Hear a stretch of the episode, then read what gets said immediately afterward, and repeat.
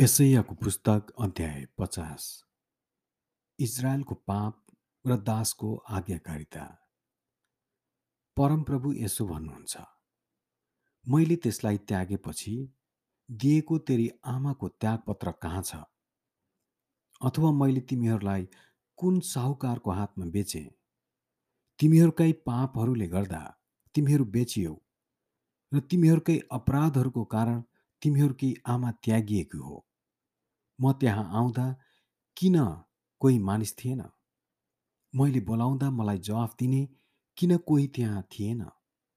के मेरो हात तिमीहरूलाई छुटाउन नसक्ने गरी छोटो भएको थियो? के तिमीहरूको उद्धार गर्नलाई मसित शक्तिको अभाव छ? मेरो मामुली हप्काइले समुद्रलाई म सुकाउँछु। नदीहरूलाई मरुभूमि पारिदिन्छु। पानीको कमीले गर्दा त्यहाँका माछाहरू सड्छन् र तिर्खाले मर्छन्।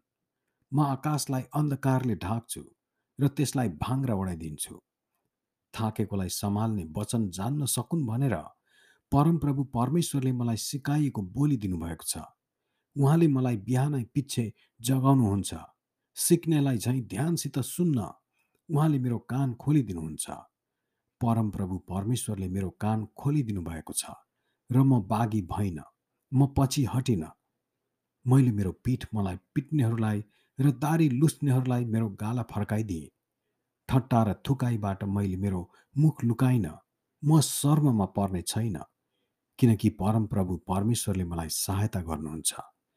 यसर्थ मैले मेरो मोहडा दर्शन चमक जस्तै स्थिर पारेको छु र म जान्दछु कि म लाजमा पर्ने छैन। मलाई निर्दोष ठहराउनु हुने मेरो नजिकै हुनुहुन्छ। यसर्थ कसैले मेरो विरुद्धमा दोष लाउँछ? हामी मुखमुख परौँ। मेरो विरोधी को छ? त्यसले मेरो सामना गरोस्।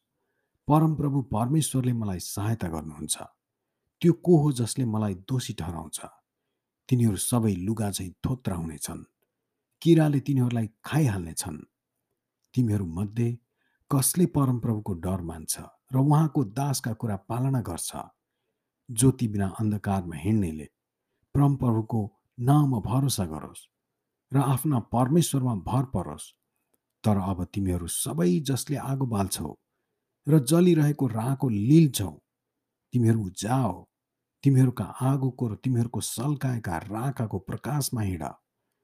तिमीहरूले मेरो हातबाट यही पाउनेछौ तिमीहरू यातना भोग्नेछौ। आमेन।